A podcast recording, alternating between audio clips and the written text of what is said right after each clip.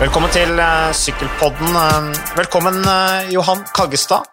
hyggelig å ha deg tilbake på Sykkelpodden. hvordan er det med deg? Forrige gang folk leste om deg i media, så var du dårlig. Er du blitt bedre?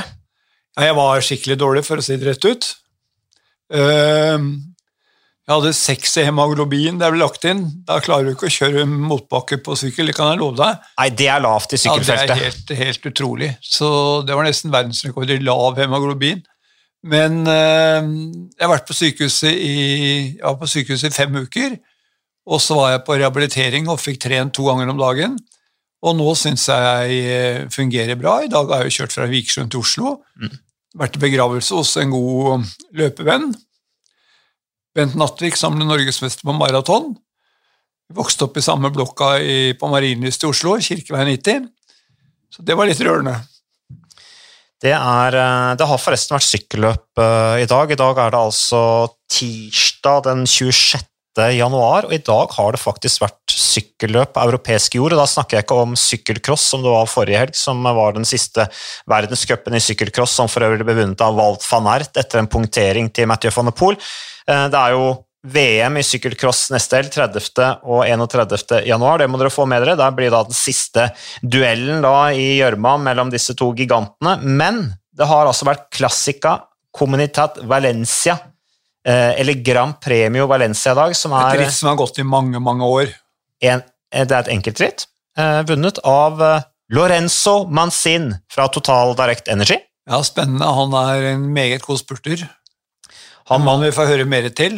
Han vant foran eh, Mikkel eh, Aristi fra Euskatel og eh, Capio fra Team Arkea Samsic. Så vidt jeg kunne se, så var det ingen nordmenn med der, men det var i hvert fall en bra start for laget til Edvald Baasen Hagen, hans ja. nye franske arbeidsgiver. Ja, og de trenger jo det. De trenger en god start, og det er et lag som uh, kommer til å bli fullt med argusøyne. De har gjort flere signeringer og uh, skal jo kjøre bl.a. Tour de France og markere seg der. Så det er gøy at det er litt i gang. Det er jo selvfølgelig mye spørsmål, spørsmål rundt uh, sesongen. Uh, det er mange som er usikre på, på, det. Så det kommer vi litt tilbake til, fattern. Men jeg tenkte først vi skulle snakke liksom om den store snakkisen i, uh, i internasjonal sykkelsport den uka vi er i nå. Det er jo Tom de Melin. Store Tom, som noen kaller han. Uh, en fantastisk sykkelrytter. Fantastisk elegant syklist. syklist. Husker, husker, du VM i Bergen? Ja, det husker vi alle. Oppfløyen? Vanvittig prestasjon. Hvorfor sier det? Det er ikke alle som husker det, men han ble jo verdensmester opp til Fløyen. Knuste alt som var, inklusive Chris Froome. Han eh, er eh, kjent, særlig kjent for sine tempoegenskaper, men har jo vunnet Giro Italia sammenlagt, vært på pallen i Tour de France, og på en måte vært den Han, han er jo den store, det store nederlandske håpet gikk etter en litt sånn turbulent periode fra, fra Team Sunweb over til Jumbo Visma, hvor vi trodde at han skulle trives bedre, fordi der var han på et lag hvor han kunne dele kapteinsansvaret, og det sa han jo selv også, at han ville ikke bære for mye av ansvaret på sine skuldre. Det gjorde han stressa, han ble deppa av det, men nå avbryter han altså samlingen til Jumbo Visma eh, midtveis i samlinga, bare en dag eller to etter at han har fått et rittprogram som jo for så vidt var ganske spektakulært. Et rittprogram hvor det bl.a. ble annonsert at han skulle kjøre brosteinsklassikerne med Flandern rundt og Paris-Roubais. Eh, men så reiser han hjem og sier at han da må ha en eh, pause eh, uten lønn. Og spørsmålet er da kommer han tilbake? Ja, Det er et godt spørsmål. Jeg tror når en rytter havner i den situasjonen som han gjør, så er det tegn på utbrenthet. Det er tegn på at han har for så vidt oppnådd mye på sykkelsettet, som du listet opp. Verdensmester, Giro d'Italia-vinner, annenplass i Tour de France. Han har oppnådd mye. Og så har han familie, er mye borte. Og så kommer du til, og han har sikret seg materielt, økonomisk for mange mange år frem i tiden. Og da kommer det et punkt hvor han sier er, dette, er det verdt det? Mm. Er det verdt å ofre i gåseøynene så mye? For å gjenta seg selv i det uendelige. og hvis, Jeg tror det er mange som holder, fortsetter karrieren litt for lenge, eh, når de i grunnen mentalt er utladet og burde drevet med noe annet. Mm. Og Det tror jeg Tom Demola har gått til seg selv, innsett at han eh, er kommet til den situasjonen hvor jeg orker faktisk ikke å gi de 100% på trening.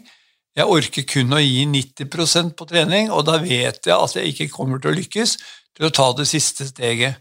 Og så er han jo på et lag hvor um, Jumbo Visma har vel mer eller mindre uttalt at det er Primoz Roglic de fremdeles prioriterer mm. i, som sammenlagtrytter. Han gjorde en ålreit innsats i fjor, Tom Dumoulin, men uh, har hatt mye skader. Og eh, det var nok en liten skuffelse for han det å se at han var såpass langt unna en pallplass i Tour de France.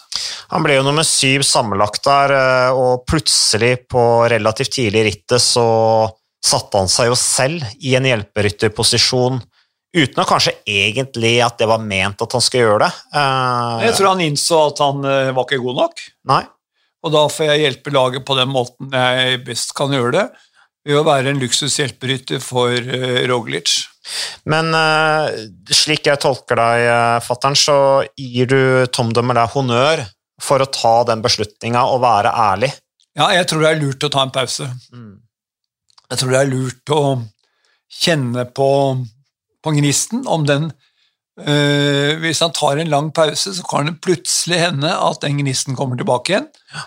Og han er fyr og flamme og kommer til å prestere på et kjempehøyt nivå etter en god treningsperiode. Men å fortsette å gjenta seg selv når det går når han mentalt er så nede i forhold til sykkelsporten som han opplagt er, så er det lureste man kan gjøre, det er å ta en pause istedenfor å levere en serie med middelmådige resultater. Det er en modig avgjørelse.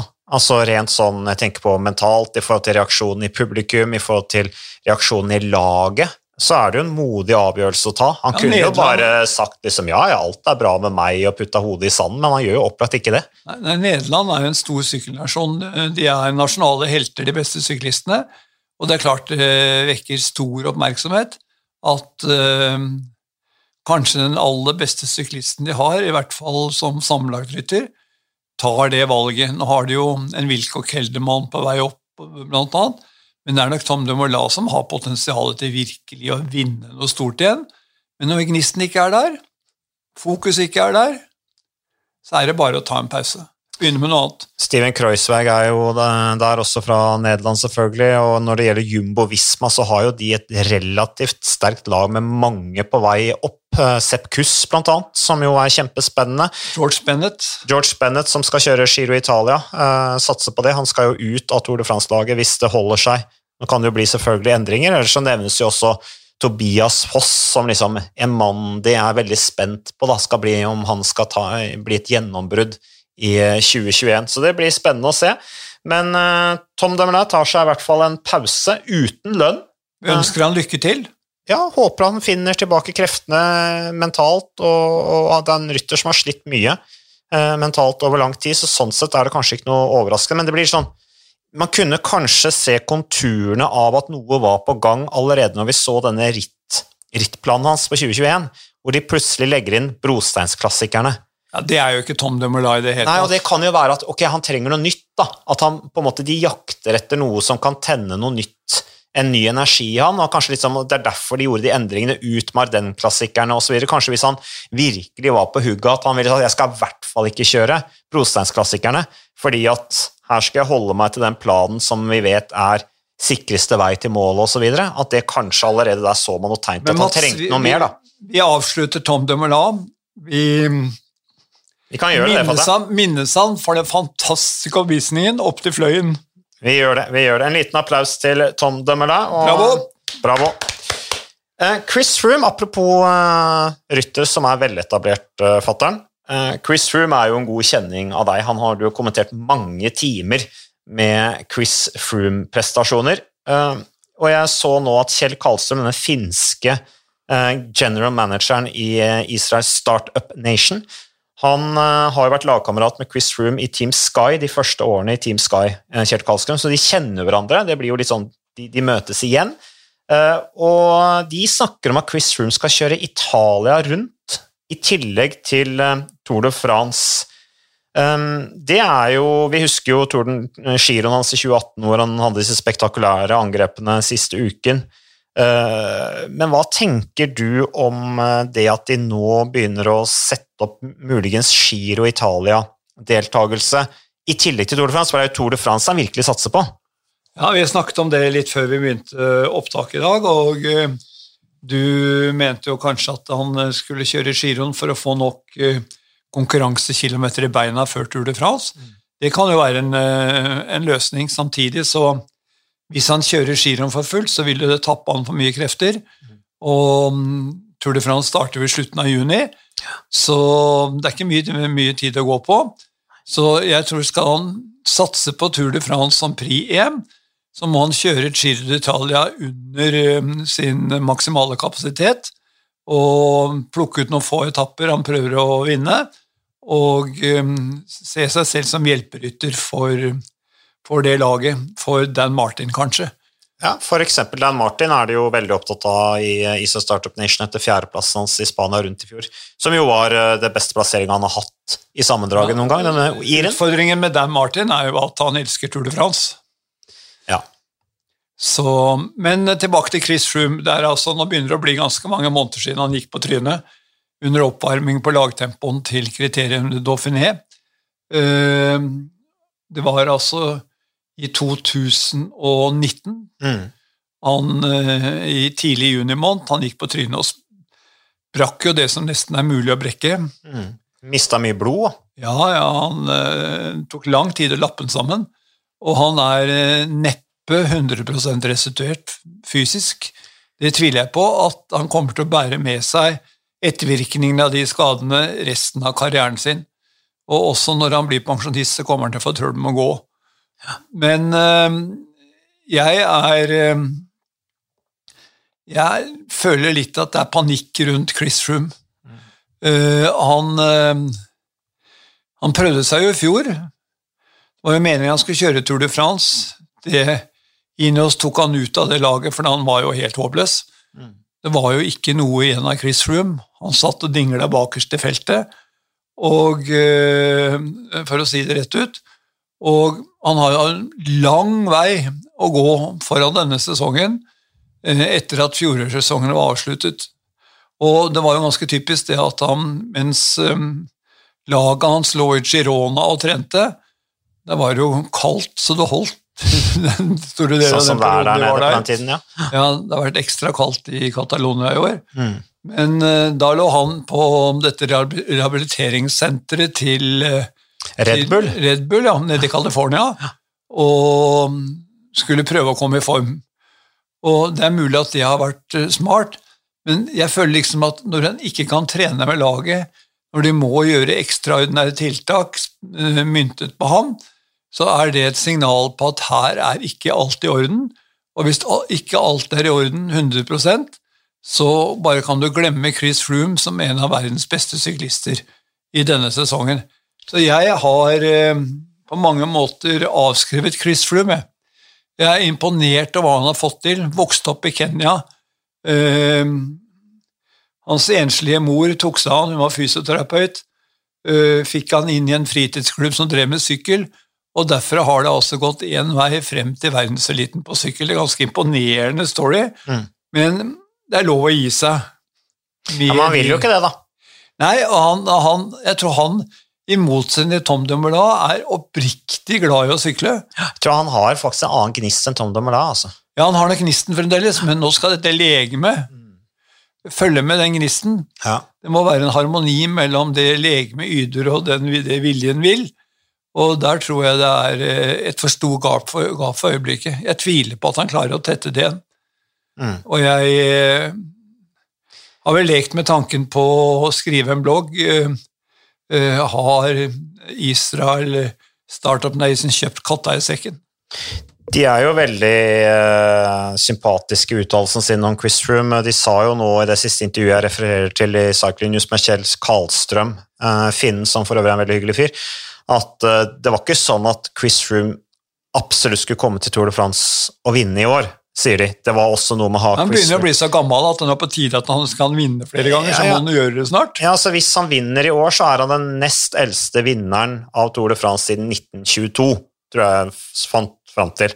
Uh, så, så, men, men også snakker de da om at ja, Chris Froome har jo uansett en stor rolle, en viktig rolle på laget som inspirasjonskilder til de yngre. Nå er det ikke så mange unge ryttere på det laget. Da.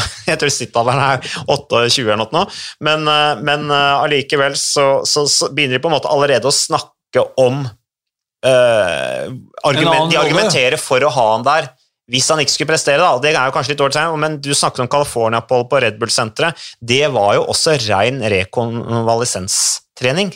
Altså. Ja, og det begynner å bli litt hastelig når du skal ha rekonvalesenstrening i desember og januar måned. Mm. Da er det jo ikke mange ukene igjen til eh, det begynner med de virkelige store syk sykkelrittene. Så mm, jeg er skeptisk. Jeg syns han har hatt en fantastisk karriere. Han har fått mye ut av eh, Han har ikke vært det største talentet, han er jo teknisk ganske øh, vinglete, syns jeg. Men han må ha fått enormt ut av karrieren sin takket være den enorme viljen han har ønsker han lykke til. Og, og så vil han jo vinne en femte gang, da. Ikke sant? Bli historisk. Ja, Det vil jo sikkert mange andre som kommer etter også. Ja, Men han har jo fire seire. Ja, men uh, den femte tror jeg blir ganske vanskelig å få. det, blir, det, blir, spennende å se. Jeg vil faktisk si det sånn at jeg skal gå fra Vikersund til Oslo hvis han vinner Tour de France. Du skal være litt forsiktig med det, fatter'n. Jeg lovet at jeg skulle spise gummistøvlene mine under Catalona rundt for noen år siden hvis sjakkmann spurtslo en eller annen Hvem var det? Det vil jeg ikke Ribio u, u, eh, Hvem var det? Det var en eller annen spanjol i et eller annet pro kontinentallag. Uh, så at de holdt inn, og de det var holdt han inn. Eh, jeg ringte til og... Rubio var det. Rubio og Sjakkmann var i brudd. Uh, de to hele dagen, og så klarte de å holde unna for feltet, og det var jo det var en sensasjon, syns jeg. da. Men, Nei, men Det er forskjell på gummistøvler og gå tur, så jeg skal ikke gå i gummistøvler. Men jeg, jeg tviler på, meget sterkt. Jeg vil bli stor, storstilt overrasket over om Chris Froome kommer tilbake og vinner Tour de France. Men hva tenker du, da, som er, uh, har, har, lang erfaring som utholdenhetstrener på, på, toppnivå innenfor løping, og du har også trent syklister og langrennsløpere også. Hva er liksom beste vei? Er det dobbel girotour, eller er det kortere og oppkjøringsritt med høydesamlinger i tillegg? For det her må man jo på en måte velge noe. Ja, Det kommer an på hvordan du, hvordan du gjør eh, f.eks. Giro d'Italia. Hvis Tour de France er pri igjen, eh, så må du være klar over det at det tar lang tid å restituere seg etter Giro d'Italia hvis du kjører den for fullt. Mm. Og Den kan da brukes som en del av treningen, men da er det forutsetning at du plukker enkeltetapper og triller gjennom de andre etappene som trening. Ja, det var det du sa. og det er derfor... Jeg setter deg noen delmål. Dette Målet med denne etappen er at jeg skal sånn og sånn og sånn. Og ikke brenner hele kruttet. Gjør du det i Giro d'Italia, så tror jeg du kan glemme Tour, Tour, de France. Ja, Det er derfor jeg har sett at på en måte sprintere de klarer den kombinasjonen ofte bedre enn sammenlagtryttere. Fordi sprinterne kan jo, eller spurterne kan jo velge ut enkeltetapper. Ja, de triller jo i mål på toppen av fjellet 50 minutter etter. Ikke sant, ikke sant. Men eh, apropos Isai Startup Nation-fatteren. Carl Fredrik Hagen eh, kjenner vi jo godt. Han er en eh, fin, veldig fin fyr. Eh, flott type, flott idrettsmann. Eh, han har jo akkurat nå gitt et intervju da med Magnus Orre og Sindre Olsen på tv2.no, eh, hvor han blant annet støtter denne opphevingen av forbudet mot høydehus, hvor han jo blant annet argumenterer for at det er krevende situasjonen vi er i nå med covid-19. Vi får ikke reist på samlinger. Det har dette miljøaspektet snakker han om også, og er jo ydmyk også som sier at jeg er jo ikke noen ekspert på dette her, men jeg mener at det høydehusforbudet må oppheves. Eh, og han selv kunne godt tenkt seg å kjøpt et sånt høydetelt eh, og ligget og sovet i det, og også kanskje da etter hvert at det ble etablert noen sånne høyderom eh, som han kunne trene i, og han ser jo ikke helt den store forskjellen på hva som er problemet med høyderom, når vi allerede i stor skala bruker sånne varmerom eller klimarom, som man kaller det. Og Norges Friluftsforbund er jo også de er jo de som har gått i bresjen for opphevelse av forbudet, og Sykkelforbundet, Norges Sykkelforbund har også vært med på å støtte Friluftsforbundet i det. Eh, hva tenker du om den saken? Jeg syns det forbudet mot høydehus er så tullete som det overhodet går an å være. Ja, du syns det? For å si det rett ut. Ja. Uh, Uh, argumentene er også litt bak mål, syns jeg. At uh, det gir en fordel, og det er farlig for ungdom, eller de som, ja, eldre tenåringer, å bruke høydehus, f.eks. Det er ikke sånn vi driver idrett. Men dette er Jeg tror man skal lese nøye intervjuene med Ove Talsnes, altså legen til Frihetsforbundet, som selv var en meget god mellomdistanseløper, faktisk. 3,39 på 1500. Mm. Han, eh, han, eh, hans argumenter de er verdt å lytte til. For de beste vil uansett dra på høydetrening for å mm, hente seg større hematokrittverdier. De øker da mm, oksygentransporten til, til blodet. Eh, blodet kan ta opp mer oksygen, som de da sender ut til de arbeidende musklene, og utøverne presterer bedre enn de gjør uten mm. høydetrening. Så det er, det er, opplagte fordeler. Det som er ulempen med høydetrening, er at det er lett å gå i baret, for det er litt vanskelig å kontrollere uh, høydetrening fysisk ute enn å kontrollere f.eks. høydetrening du gjør i et høyderom. Mm. Uh, det er lettere å styre dette. Og så har du det rent praktiske. Uh, utøverne holder på med idretten sin lenger enn de gjorde før, fordi det er mer et yrke enn det var.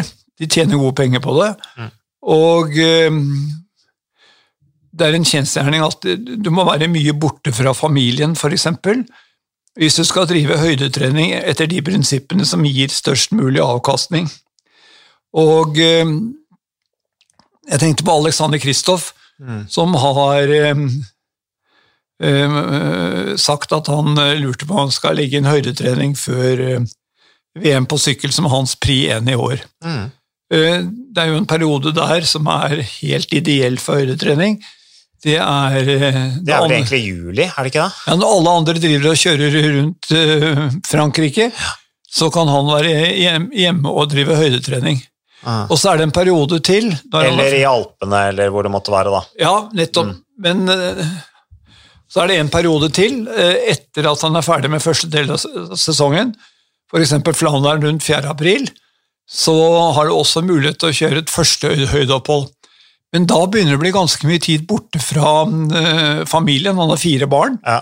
Han har en kone som står på som et skinn for å få dette til å gå rundt. Og det er jo alltid sånn Det er ikke bare det fysiske, men det er også det sosiale og mentale som henger sammen med det fysiske. Det er harmonien av de tre faktorene som avgjør om utøveren vil lykkes. Ja. Og det er klart, Kunne Alexander brukt da et um, høyderom uh, hjemme eller i nærheten av hjemmet, så ville han kunne kombinert det med et normalt familieliv, og alle ville bli happy. Mm. Han ville jo måtte sove på et annet rom enn kona, da. spørs om hun hadde blitt så fornøyd ja, i utgangspunktet, men Ja, kona har gått av høydetrening, hun òg. det er sant, men, eh, men eh, det, er, eh, det, er, i hvert fall jo, er man, man, snakker om at det er et særnorsk fenomen, og det er en viktig presisering som Magnus Aare kommer med i den artikkelen jeg refererer til nå. Det er ikke bare Norge som har forbud mot høydehus. Italia har faktisk forbud mot det. Eh, da, og Der er jo også dette kriminalisert, så du risikerer å bli straffeforfulgt hvis du bruker høydehus i Italia. Det er bare å oppheve hele greia, for det er rett, rett, rett og slett tull. Mm. Ja, men eh, ja, altså, jeg ser jo det der at ja, i utgangspunktet så skulle man jo ønske at man slapp utøvere som var i høydehus. Men jeg tenker på dette du nevner i starten der argumentet ditt om unge utøvere, at det er liksom skrekken. At unge utøvere, eller fedre, fanatiske fedre, begynner å kjøpe høyderom til, til barna sine og sånne ting. Uh, jeg men, men jeg tenker at... at en aldersgrense ville jo løst det, f.eks. 18 år eller 16 år eller ja. et eller annet. da. Jeg ser jo det at rike foreldre kunne finne på å bygge et eget høydehus istedenfor garasje. Uh, Hvorfor ikke? Eller garasje med høydehus? Ja, til unga sine. Får bilen ekstra hestekrefter òg? ja. Jeg syns det er, eh, og ikke minst det som Carl Fredrik sier, at det er lov med varmesimulering. Hvorfor er det ikke lov med høydesimulering? Varmesimulering kan brukes på positiv måte i forhold til å øke inntak av oksygen, det også. Mm. Samtidig som du er selvfølgelig mye bedre forberedt når det kommer til konkurranser i varmen, som f.eks. OL i Tokyo til sommeren. Hvis ja. det blir noe, da. Ja, det blir jo veldig spennende. Det blir veldig spennende. Men uh, vi, jo, vi, hadde jo en egen episode om dette med bruk av varmekammer og enkelte utøvere Ja, tenk på Torstein Treens ja, fantastiske resultater mm. i Colombia i ja. begynnelsen av sesongen i fjor. Der hadde de jo brukt på Lillehammer dette varmesimuleringsrommet for å stimulere oksygenopptaket.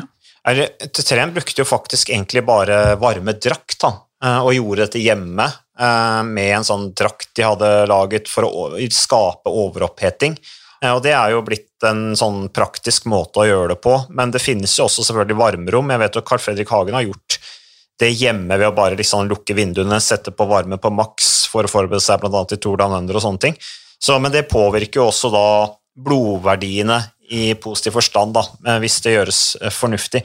Men uh, fattern, uh, hva Men tenker så klok, jeg kjenner Ove Talsnes. Han er så klok at um, idrettsledere lytter til Ove Talsnes.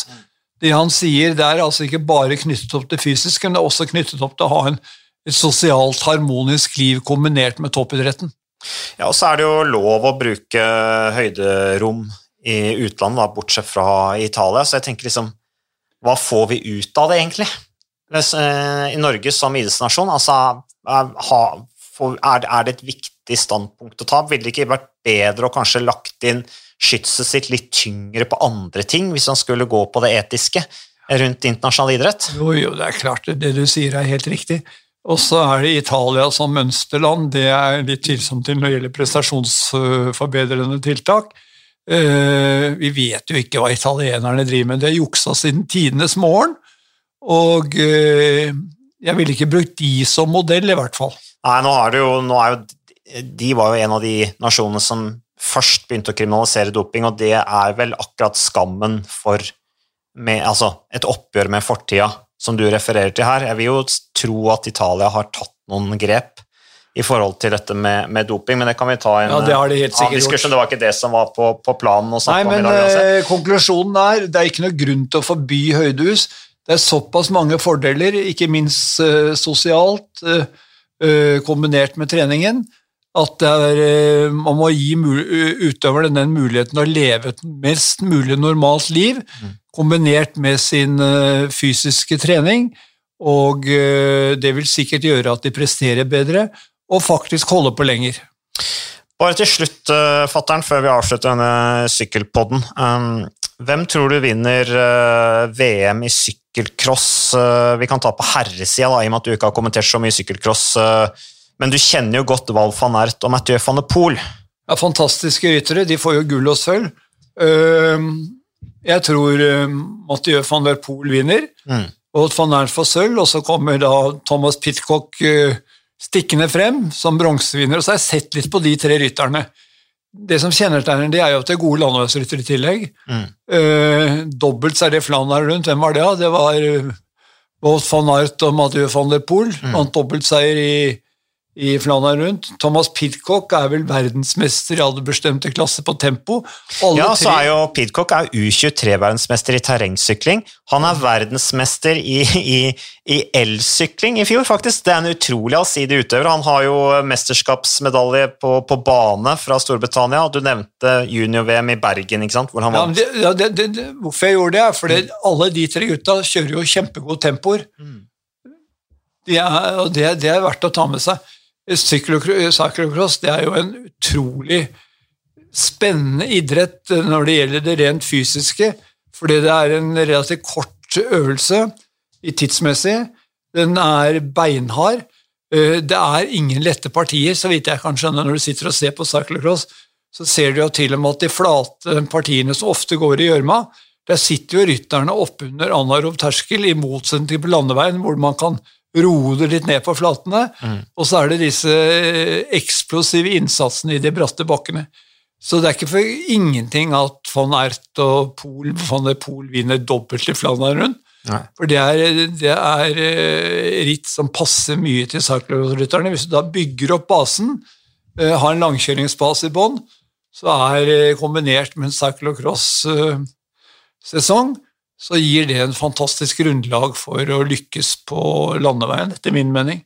Og så eh, kan jeg nevne også at eh, Lucinda Brandt, som jo også er en fantastisk landeveissyklist, er jo også stor, en av storfavorittene til å vinne damerittet. Ja. Det blir jo ikke noe juniorklasse i Ostende hvor uh, sykkelklasse-VM skal gå på kysten i Belgia, det blir, uh, men det blir ikke nok U23-klasse for herrer og, og damer.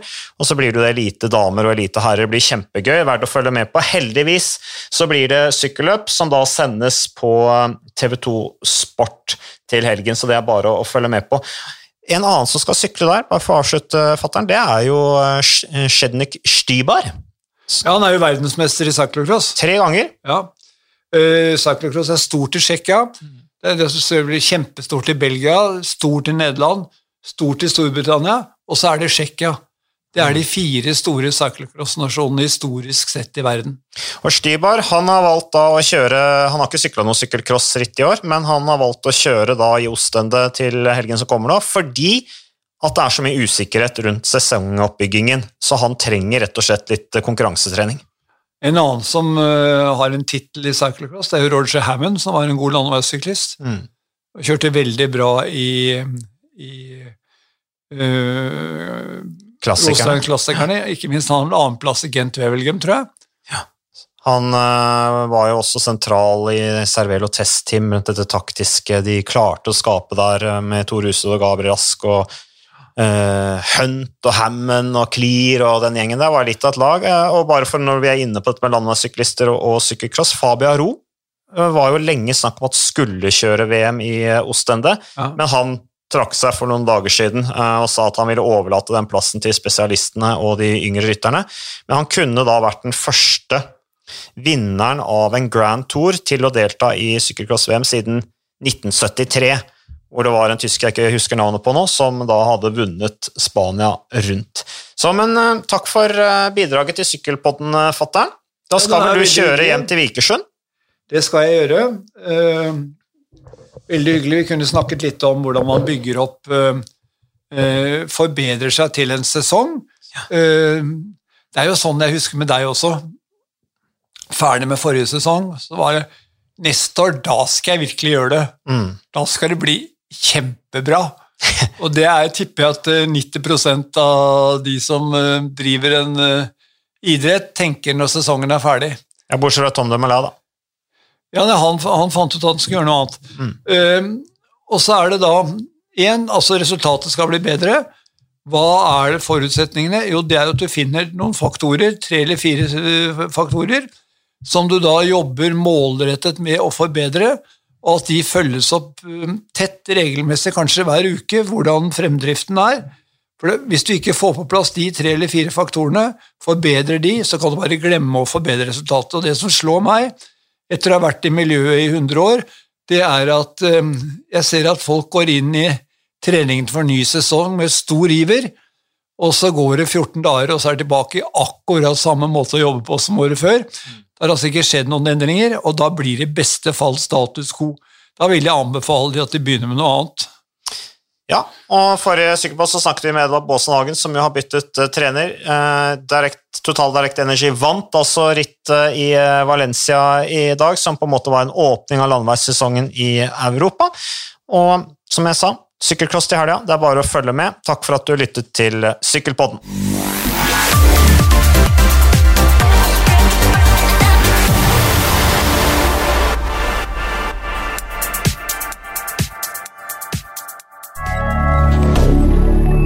Media.